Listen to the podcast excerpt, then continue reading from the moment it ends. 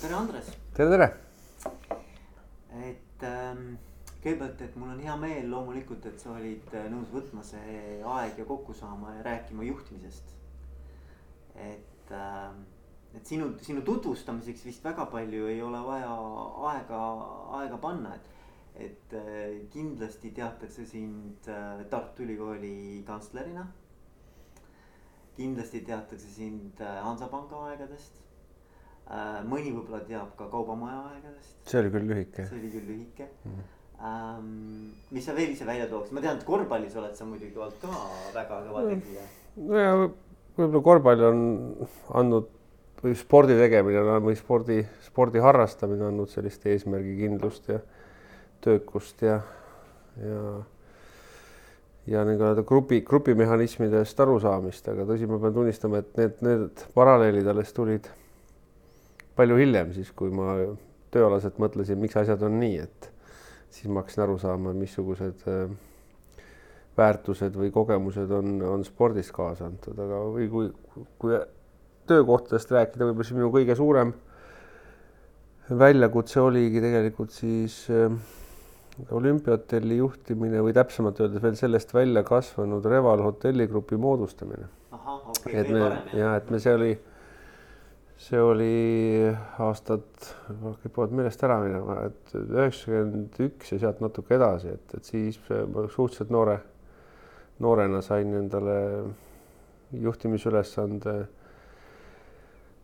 ja meeskonna suuruse kuussada kolmkümmend inimest, et see tolle aja kohta olin ma noor juht ja, ja siis ei olnud veel isamaaline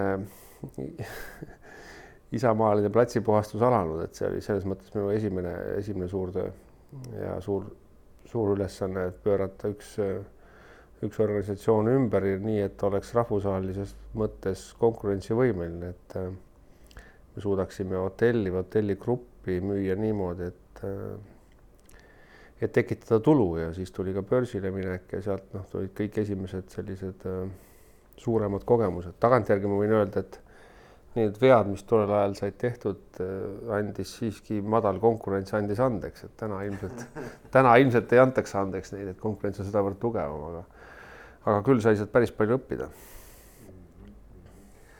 aga kui nüüd noh, minu selline niisugune, kes seda blogi varem ka kuulanud on, siis nad teavad, et minu sihuke esimene küsimus on alati, et, et mille eest juhile palka makstakse, mis, mis Andres nagu, et, et mis on juhi nagu sihuke põhiülesanne, põhiväärtusloome? Noh, siia võiks rääkida Manfred Kets-de-Vriesi välja, välja pakutud anekdoodi, kuidas mees tahab oma lapsele osta sünnipäevaks papagoid ja poes küsib rohelise papagoi hinda, see on viiskümmend, viiskümmend dollarit ja tundub talle kallis ja siis müüja seletab, et ei, see oskab ikka inglise keelt ja prantsuse keelt. Siis küsis, aga mis see sinine maksab, noh, sinine on sada dollarit, noh, mida see siis oskab lisaks nendele keeltele, no tal on kahekümne esimese sajandi upgrade tehtud, et tal on tuunitud, tuunitud tänapäeva funktsionaalsusesse. aga see kirju seal, no see kirju on kakssada. No pagan, mida see siis veel oskab? tead ausalt öeldes ma ei tea, mida ta oskab, aga need ülejäänud kaks kutsutada bossiks. Et, et noh, kuna tõsisemal toonil rääkida, siis no, mina ütleks nagu esimesena nagu spordi, sporditeemat nagu appi võttes, et et ta on nagu treener, et noh, kui töötajad on mängijad ja need mängijate üksikust pingutusest ei sõltu suurt midagi, sõltub nagu meeskonnamäng, pallimäng, sõltub sellest, kui hästi on rollid jaotatud, kui hästi nad on treenitud, kui hästi nad mõistavad teineteist, kuidas nad mõistavad üldeesmärki ja, ja see on oluline.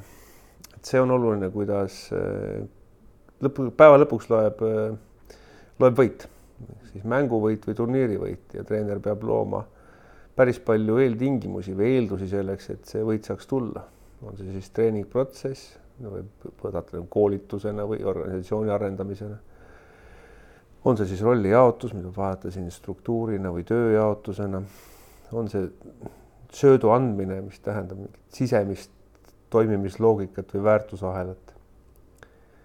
ja lõpuks peab ka treener suutma hinnata neid rolle eraldi, samal ajal mitte, mitte võimendama või kiitma ühte rolli, kui mäng on kaotatud.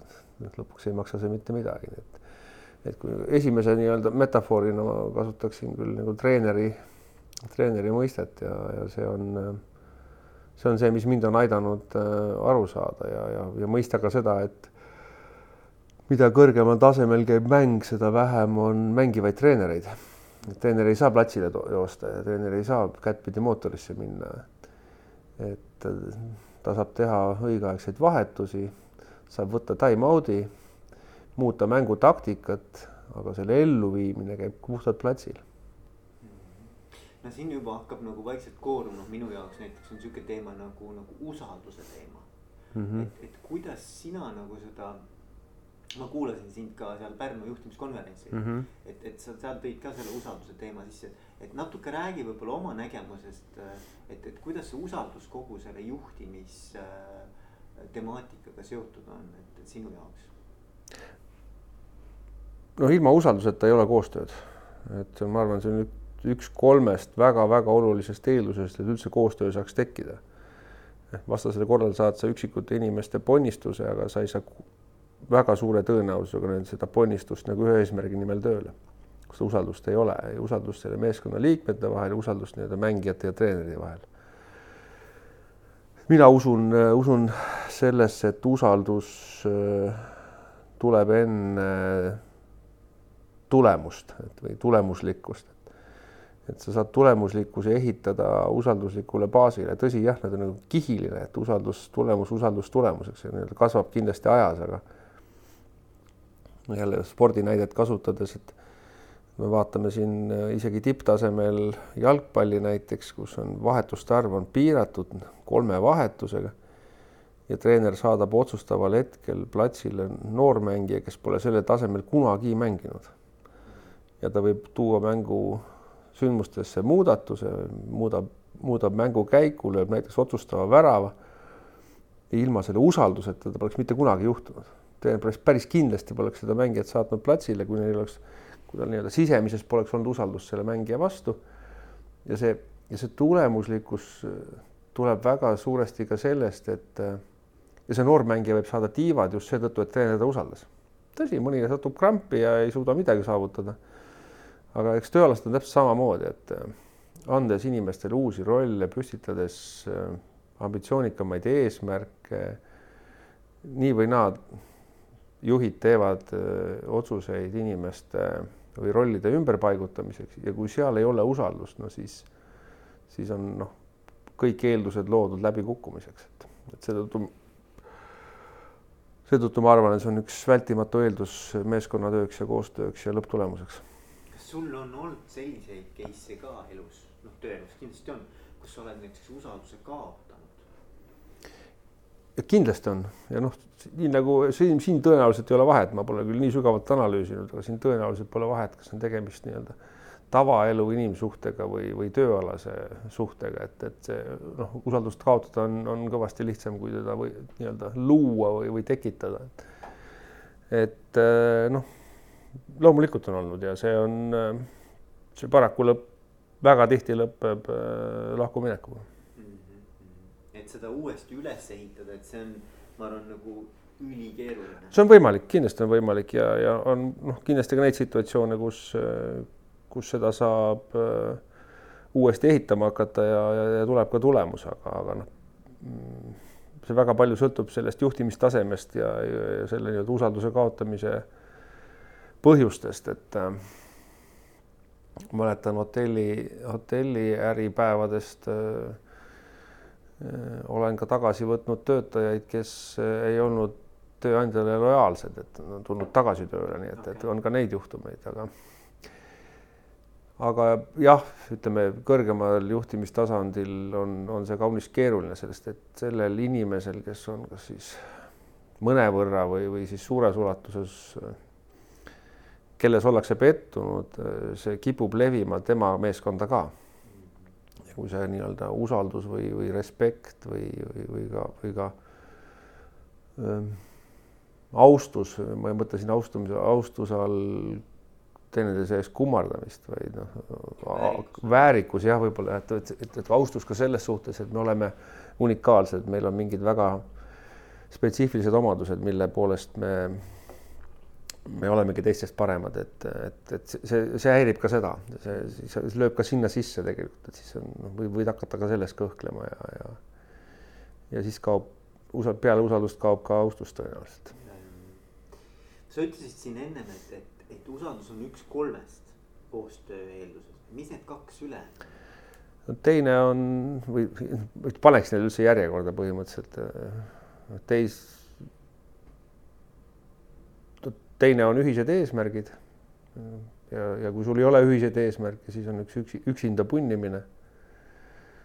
ja siin on ka hästi oluline veel kord, et mitte, mitte pelgalt, pelgalt meeskondlikud või ühised eesmärgid, vaid ka tegelikult mõista seda, missugune on üksikisiku ja meeskonna eesmärkide vaheline seos või täpsemalt, kuna me üksikisikutena seame enda huvid kõrgemale ja, ja nii ta, nii ta paraku on, siis ehitada, juhi ülesanne ehitada seos või, või sild selle üksikisiku eesmärkide ja meeskonna eesmärkide vahele. ja, ja, ja kolmas veel kord, numbrid ei ole üldse siin tähtsad, on, on ühised väärtused. et, et väärtuspõhisus. ja siin noh, muidugi tuleb aru saada sellest, et kas see noh, see puudutab mingit töö praktilist korraldamist, siis ma, ma mõtlen siin tegelikult palju, palju sügavamaid ja fundamentaalsemaid väärtusi ja, ja arusaamist miks üldse tööl käiakse iseenesest tööl käiakse on päris hea päris hea väljend Eesti, semiootikutele uurimiseks, et mitte tööl ei käida, vaid tööd tehakse. või miks tööd, miks ühistööd tehakse, aga et, et kui sa sellest aru saad või, või, või veel hullem, kui sa sellest aru ei saa, et siis ei teki ka seal koostööd. noh, see on, see on tegelikult noh, ütleme siin me näeme siin nii-öelda staaritsemist ja selliseid noh, nii-öelda suuri egosid. et, et paljudest egodest äh, head meeskonda teha ei ole võimalik.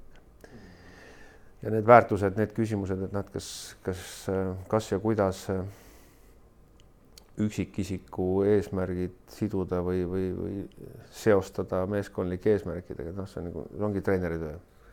treener peab looma selle võimaluse, et eeldused täpsemalt öeldes, et see nii saaks toimida. mis, mis sul on kindlasti olnud kogemusi, kuidas nagu ettevõttes sellist nagu väärtusi, siis seda ei saagi nagu öelda, et, et, et töötatakse välja, noh tegelikult väärtused. Nad on olemas, nad on kogu aeg olemas jah. et, et nad on olemas, aga, aga mõnes mõttes noh, ma mäletan, et siin oli aeg, kus äh,.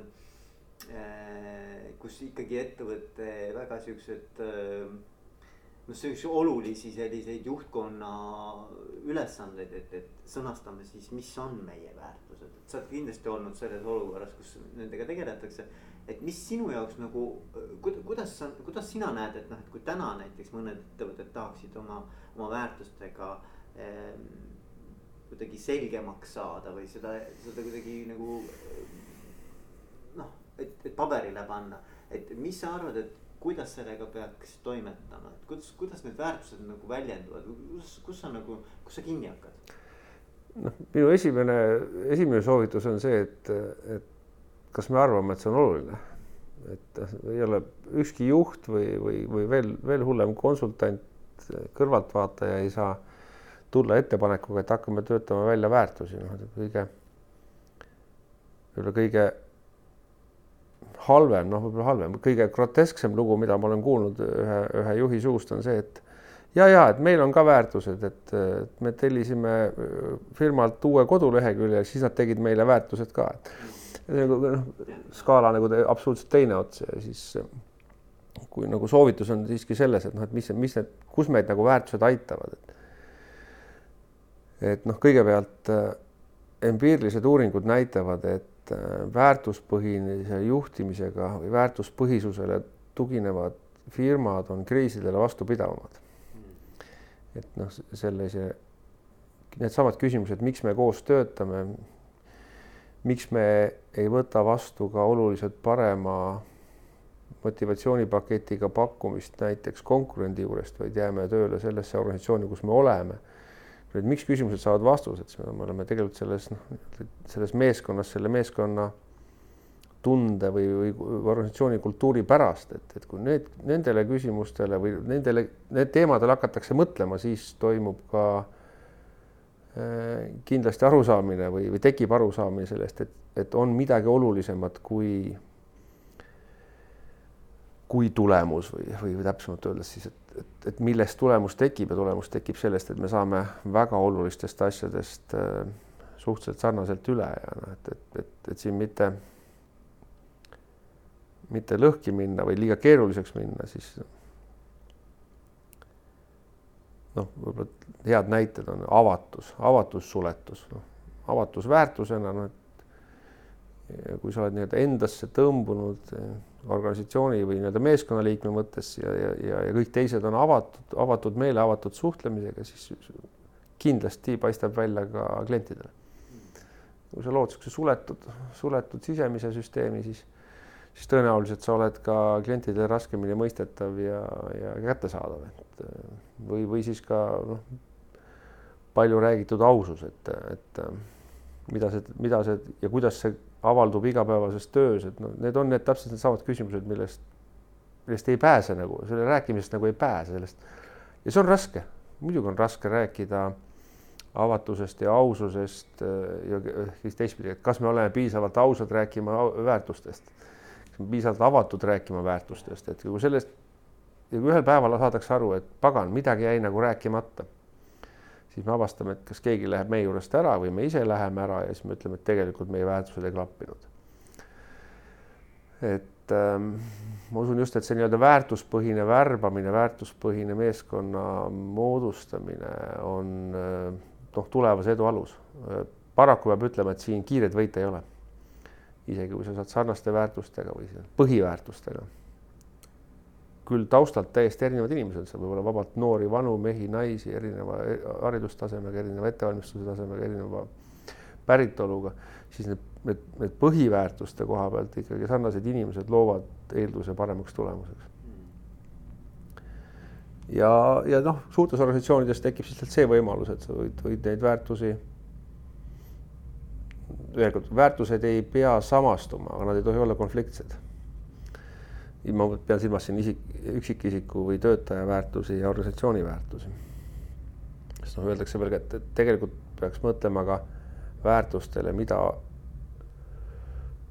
mida organisatsioon nagu, mille eest ta seisab nagu laiemalt nagu ühiskonnas, noh. või kasvõi näiteks säästlikkus või, või, või. mis see sotsiaalne vastutus? just nimelt jah, et see on ka nagu tegelikult seotud ju väärtustega, et noh, et kui sa oled nagu tahad olla ka sotsiaalselt vastutav või kasvõi näiteks keskkonna mõttes vastutav, eks ole ju sa noh, räägid siin näiteks äh, tuuleenergia või kasutamisest, aga sõidad noh, kõige suurema CO2 emissiooniga autoga, et noh, et siis see ei ole see noh, see ei ole jah, just nimelt siis see järelikult ei saa olla väga tõsiseltvõetav, et ja neid näiteid ilmselt on rohkem, kui aga noh, tulles, tulles tagasi ettevõtte või organisatsiooni tasandile, et siis, siis nii-öelda minu soovitus küll küsida neid miks küsimusi ja, ja kui need miks küsimused on ausalt vastatud ja siiralt presenteeritud, siis jõutakse tegelikult päris kiiresti üksikisiku ja organisatsiooni väärtuste juurde, et see on nagu noh, minu jaoks on nagu väärtustega, väärtused aitavad lahendada õige, õige keerukaid konflikte. aga see eeldab meilt jälle avatust ja ausust, vastasel korral sa ei, sa ei saa selle tuumani, sa ei jõua selleni sa ei saa, sa ei saa, sa ei saa aru, mis on see nii-öelda käimatõmbav motiiv, sest lõpuks me ka väärtused juhivad äh, meid rohkem, kui me oskame, oskame arvata. kui palju sa näed, et on, kas siis noh, ütleme omaniku või, või, või sellise pikaajalise asutaja ähm, mõju nagu ettevõtte sellisele toimimisele, et oled sa, sa oled kõrvalt näinud ka? jaa, muidugi, see, see mõju on äh, mõju on kõige paremini arusaadav sellest, et asutajad, on neid üks, kaks või kolm, pole vahet ju tegelikult hakkavad organisatsiooni üles ehitades võtma tööle inimesi mm. -hmm. ja mille alusel me neid uusi inimesi võtame, siis, siis noh, ühel hetkel nagunii avastame, et me oleme valinud neid äh, enda väärtushoiakute põhjal, et ja need, keda valiti oskuste põhjal, kelle väärtused ei klapi, ühel või teisel päeval lähevad nagunii minema mm. -hmm. nii et seetõttu on see paratamatu, et, et me teeme, teeme väga palju valikuid väärtuspõhiselt ja, ja, ja noh, sama tsiteeritud Manfred Ketz-de-Vries isegi on äh, öelnud, et juhid võtavad suurema osa otsuseid vastu alateadvuses, mitte teadvuses, et noh, minu jaoks on see suuresti nagu väärtuspõhine või sihuke intuitiivne, et ma ei ole küll psühholoog, aga ma arvan, et, et intuitiivne juhtimine ja väärtused on noh, ühe, ühe pere lapsed. et see ongi natukene nagu selline mitte teadvustatud protsess. just, just mm. -hmm. no seesama, sama näide sellest treenerist, kes otsustaval hetkel paneb noormängija platsil, et, et noh, see on ju tegelikult kombinatsioon mingitest kogemustest, intuitsioonist, väärtustest, usaldusest. noh, siin ei saa öelda, et see on ük, üks või ainult üks argument, miks seda teha. nagu algoritmi taga. just nimelt, sa ei saa valemisse ja, panna seda, et, et vot nüüd panen kogenud mängija, nüüd panen noormängija, eks ole, noh see on selles hetkes ilmselt on just, see just see tunne. just, aga mida, mida treener kindlasti teeb sel hetkel, ta võtab vastutuseks, võtab selle eest, selle mängu eest vastutuse, lõikab näppu. noh, mulle meeldis siin, siin mõned, mõned ajad tagasi siin, kuna pean, pean korv, olin või pidin ka korvpalli eest seisma siin seitse aastat Tartus, et et kui Gerd Kullamäe pani viieteistaastase mängija Kalev Cramoga vastu platsile, siis ütles ta pärast intervjuud, et ärge teda pekske, pekske mind, et mina panin. muidugi tehti poisile liiga, eks. aga poiss, poiss ei ole selles süüdi, vaid tegelikult mitte kas süüdi, kas peab teda süüdlast otsima, aga põhjus on hoopis, põhjus on milleski muus hoopis. aa, no vot siin me jõuame veel ühe huvitava sellise juhtimisega seotud kontseptsiooni nagu vastutus mm. -hmm. et kuidas, kuidas sina seda vastutuse teemat enda jaoks oled lahti mõtestanud nagu juhina just juhi vaates? et, et kust ta mängu tuleb ja kuidas, kuidas sa oled seda püüdnud nagu, sa oled kindlasti ka nagu teistel püüdnud selgeks teha, et, mis tähendab vastutuse võtmine mm, -hmm. mis sinu jaoks tähendab? no on küsimus, kas vastutust võetakse või antakse, noh, et, et see on esiteks kõigepealt on palju-palju räägitud, on äh, õiguste ja kohustuste õige tasakaal, et noh, et, et sul on, annad kellelegi kohustused või vastutuse, sa pead andma talle ka õigused. ja ma olen hästi palju näinud olukordasid, kus, kus neid asju ei anta või ei võeta paketina, vaid äh, suhteliselt inimlik on noh, tahta endale rohkem õigusi ja mitte võtta vastutust, noh vaatame näiteks, kuidas lapsed kasvavad, siis lastel on see laste kasvamise perioodis on see kindlasti. kõik lapsevanemad on seda märganud, et tahavad endale õigusi, aga mitte võtta vastutust. et noh, tööalases mõttes kindlasti on selliseid olukordasid kaunis tihti, kas me muidugi analüüsime neid, see on teine asi. aga nüüd vastutuse äh, või siis nende, nende õiguste küsimus on, on ka see, et, et, et ma olen alati rõhutanud, et, et äh, juhil on kaks privileegi ja et ja kui nad neid ära võtta, siis, siis ta on noh, määratud tõenäoliselt läbikukkumisele või siis teine variant ära oota talt üldse mingit tulemust. siis õigus luua endale ise meeskond, moodustada endale ise meeskond. ja teine õigus on jagada ümber ressurssi, tööd muuta seda meeskonna nii-öelda rollijaotust. kui sa neid, neid kahte õigust ei anna, siis, siis tulemust ära oota. kas me praktikas seda suudame, muidugi teine asi, aga, aga noh, kuna ma olen oma kogemust no nii-öelda oma karjääris sisenenud mitu korda organisatsiooni, mis on nii-öelda töötav ja masinavärk juba käib, et siis sa pead paratamatult neid asju enda käest küsima, et kas sul on õigus ja vabadus, need kaks õigust ja vabadust, et nii-öelda valida seda meeskonda või teha seal mingeid muudatusi. või, ja teine, kas sul on õigus jagada seda tööd, tööd või ressurssi või, või.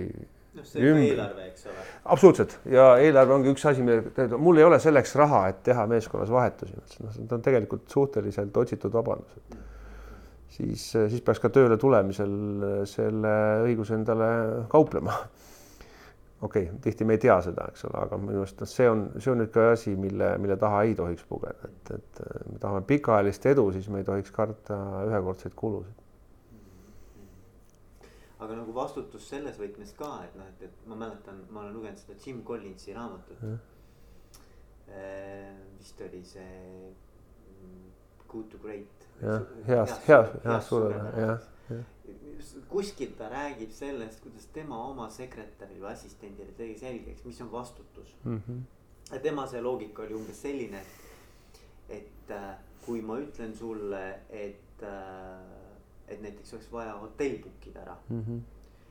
siis see ei tähenda seda, et sa book'id hotelli ära ja sellega lõpeb kõik, vaid et, et, et kui mina näiteks saabun kohale, siis et, et jumala eest ongi täpselt see, mida ma tahtsin, et et kui selleks on vaja veel midagi teha, näiteks üle helistada või küsida üle, et kas see tuba ikkagi on selline täpselt või. ehk et, et sa pead selle lõpptulemuse eest vastutama, mitte et noh, sulle anti mingisugune mm, -hmm. mingi task, sa tegid selle task'i ära, minu töö on tehtud mm. -hmm.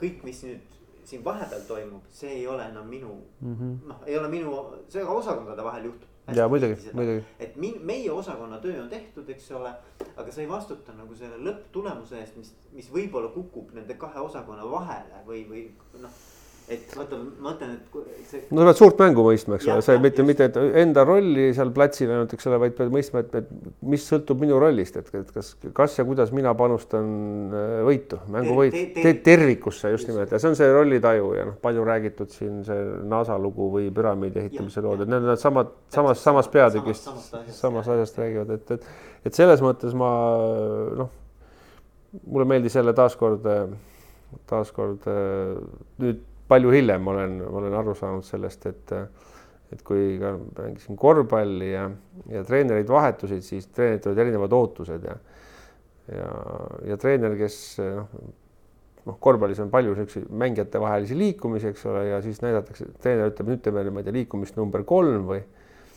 või number seitse, eks ole, või, või kaks ülesse või kaks alla ja siis ja siis vahetus meil treener ja, ja tal olid uued liikumised, eks ole, ja siis kui see nii-öelda kõik need liikumised ei tule välja, sest korvpallis äkki kaitse seisab vale koha peal lihtsalt liikumine ei tule lihtsalt välja ja siis kui mina küsisin treeneri käest, mis ma nüüd teen, ma ütlesin, noh, et, et vaat nüüd hakkabki sinu mängija intellekt nagu tööle, et mida sa siis nüüd teed, et et, et ta ei kavatsegi öelda, mida sa pead nüüd tegema, vaid sa pead suutma ise leidma endale rolli või koha selle untsu läinud liikumise tulemusena, eks ole, et töös on täpselt sama lugu, noh juht ei saa ei ole võimalik eh, tulla spetsialisti tasandile, ta ei oskagi valida sealt jätkutegevust ja, ja kui meil plaan ei töötanud, siis need spetsialistid reageerivad ju murdosa sekundi kiirusega, nad reageerivad oma parima oskuste äranägemise järgi.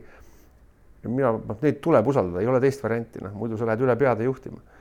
ja treener ei suuda juhtida seda mängu, mis liikumine platsil ei toimunud, siis mängijad improviseerivad, aga neil on mingi improviseerimiseks ka mingisugune raamistik, eks ole, mille sees nad improviseerivad. ja mingid reeglid, eks ole, mis pannakse siis kas selle mängureeglitega paika või selle, selle treeneri üldise kontseptsiooniga paika. et see on nagu noh, tööalaselt täpselt samamoodi, et, et jah, väikses firmas on see kuidagimoodi veel mõeldav, et sa suudad teha mõne spetsialisti tööd, noh, väheusutavalt küll paremini, aga vähemalt sama hästi.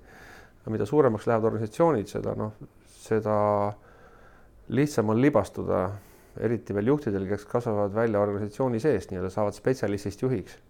see on, äh, see on päris hukatuslik tegelikult, et äh, kui sul jäävad nii-öelda endiselt käed, käed on, käed on õlised, eks ole, ja sa lähed üle peade juhtima või lähed mikromanagement'i, et, et suurtes organisatsioonides on see, on see väga ohtlik. õige, leida õige tasakaal seal just, pigem siis luua struktuur, luua selle mängu joonis ja mängijad viivad selle ellu üks asi, millest me ei ole veel rääkinud nende kolmiku juures, on eesmärgistamine. et mis on olnud sinu juhina nagu sinu selline lähenemine eesmärgistamisele, et kuidas sa oled äh,, kuidas sa oled oma tiimile eesmärke, mitte sina, aga noh, ma ei teagi, kuidas mm -hmm. tahakski teada, et kuidas sa meeskonnas eesmärke siis nagu sead, mis see praktika on olnud? noh, osa eesmärke tuleneb ju olemuslikult äh, ettevõtte asutamisest või, või, või omanike soovist, et selles mõttes on siin tihti need asjad on ju ette antud. ette antud või nad on, nad on nii iseenesestmõistetavad, noh, kasvõi nagu jälle sporditerminoloogia järgi see võidukohustus või võidu eesmärk on noh, nii, ette kirjutatud, et siin ei ole nagu nagu väga palju variatsioone, ei peagi olema variatsioone, aga nüüd arust oluline on see, et, et kuidas seda eesmärgile jõudmise teed valitakse, noh, et seal võib ju ka tegelikult olla nii palju erinevaid viise ja võimalusi, et et siin ma olen pigem praktiseerinud seda, et üldisemad eesmärgid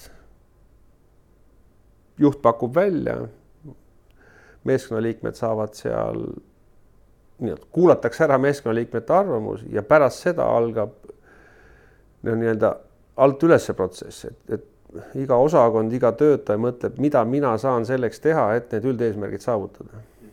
praegu Cleveronis me just sellega tegeleme, on, meil on noh, üldeesmärgid meeskonnas kokku lepitud ja nüüd struktuuriüksused, tööpered mõtlevad usinasti selle üle, mida teha siis teisiti või mida teha täiendavalt.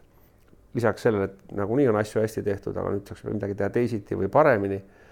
et täita ettevõtte üldeesmärgid, et kui sa ütled lihtsalt, et sul on mingi EBITDA eesmärk või kasumi eesmärk, siis siis igas osakonnas või igas tööperes tuleb see viia sellesse keelde, mida seal kõige paremini mõistetakse ja see on võimalik viia üksikisiku tasandile või üksiktöötaja tasandile, et aru saada sellest, mida mina saan selleks teha, et EBITDA oleks suurem või mida mina saan selleks teha, et kliendi rahulolu oleks suurem. või mida mina saan selleks teha, et meie projektid valmiksid tähtaegselt. ehk üldeesmärgid kooskõlastatud meeskonnaga ja siis väga viljakas protsess võiks toimuda nii-öelda alt, alt ülesse loogikale. noh, üldse alt ülesse kõlab just nagu just nagu organisatsioon oleks hästi hierarhiline, aga noh, ütleme pigem ma ütleks niipidi, et et spetsialistid või need väiksemad tööpered teavad tegelikult päris hästi, mida peab tegema. Neil on vaja anda lihtsalt usaldust ja tuge, et nad teeksid, tuleksid välja julgemate ideede ja algatustega. kui vaja, siis need läbi vaielda ja, ja nii tekib mingi läbimurre, et noh, vastasel korral saad sa mingid raamides tegutsevad inimesed, et siis ei tule keegi sulle ettepaneku, et kuule, teeks seda asja hoopis nüüd teistmoodi kaks aastat oleme proovinud, oleme saavutanud tulemuse. aga mulle tundub näiteks, et, et, ähm, et järgmine aasta ei pruugi sellega enam läbi, läbilööki tekkida, et. ja eriti noh, ja juhi üks ülesanne selles protsessis on natukene joonistada neid äh, kolle ja kuradeid natuke suurematena, kui nad tegelikult on, et, et äh, natuke tekitada nii-öelda sellist positiivset kriisi, et Cleveronis me oleme sellises olukorras täna, kus me ütleme, et kas me oleme suuremaks kasvuks valmis, et ma julgen täna kõva-häälselt öelda ja, ja mulle tundub, et see motiveerib inimesi öelda, et me ei ole kasvuks valmis. meil on vaja teha palju selleks tööd, et, et olla suuremaks kasvuks valmis. on kontori seina peal okikepp, ütleme, seal okikepi laba üle nii-öelda laba ja varre liitumispunktis, eks ole, aga meil on vaja nüüd tõusta mööda seda okikepi vart. ja me peame looma võimalused, et me saaksime oma äri skaleerida, muutuda suuremaks, muutuda süsteemsemaks ja tublimaks, mitte ära unustades seda, et me lõpuks on nii-öelda loovus ja, ja leidlikkus ja nutikus äh, tootearenduses siiamaale meid viinud, et me, et see ei tohi kuhugi kaduda, me peame suutma seda toodet või täpselt mitte toodet, vaid seda mõtteviisi skaleerida. kuidas sina suhtud sellesse, ma lugesin seda Google'i raamatut mm, -hmm. see Las- la,, Laslo. jah, jah, see oli personalijuht seal vist oli jah. ja, ja, ja, ja, ja vaat seal oli üks asi oli huvitav, nemad kasutasid seda. OKR-s, mis on siis nagu objectives and key results mm. -hmm. ja, ja see mõte oli huvitav mm, -hmm. et äh, paneme hästi kõrged ambitsioonikad eesmärgid. ja see on okei okay,, kui me neid ei saavuta. et, et kellelgi ei ole nagu stressi selle üle et kas ma saan sada protsenti selle eesmärgi täis või ei saa.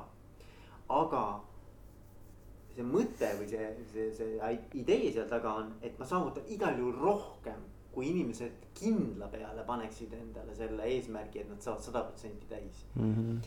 aga noh, muidugi keerukuse, keerukus selle juures on see, et, et mille järgi sa siis hindad seda, seda nii-öelda mm. seda, seda, seda tublidust või seda tulemuslikkust, eks ole aga mulle meeldib iseenesest see mõte, et, et, et shoot for the moon ja siis sa saad igal juhul pilvedeni, eks ju.